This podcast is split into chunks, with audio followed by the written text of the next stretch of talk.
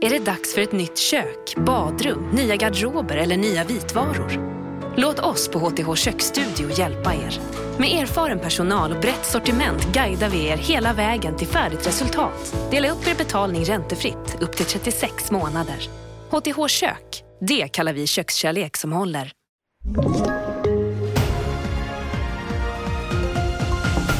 TV4-nyheterna börjar med att det var en märkbart lättad statsminister som mötte vår utsända i Vilnius under morgonen efter beskedet att Turkiets parlament kommer att ratificera ett svenskt NATO-medlemskap inom kort. Det var ett viktigt steg igår, ett väldigt stort steg som vi tog när vi skakade hand, eh, Sverige, NATO, Turkiet på detta. Så det är klart att det, det känns väldigt bra, det ska jag erkänna. Sen ska det gå igenom parlamentet också så att vi är inte fullständigt inne än, det ska man också ha respekt för.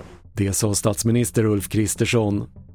Efter explosionen på en krog i centrala Göteborg igår misstänker polisen ett samband med brandattacker mot två andra krogar förra veckan. En person skadades lindrigt vid gårdagens explosion och en man har anhållits misstänkt för bland annat grov allmänfarlig ödeläggelse. Och en man fördes till sjukhus i morse efter en befarad drunkning i Hammarby sjöstad i Stockholm. Polisen ser att mannen plockades upp ur vattnet av dykare och skadeläget är oklart men han var inte vid medvetande när han fördes till sjukhus med helikopter. Fler nyheter hittar du på TV4.se. Jag heter Patrik Lindström.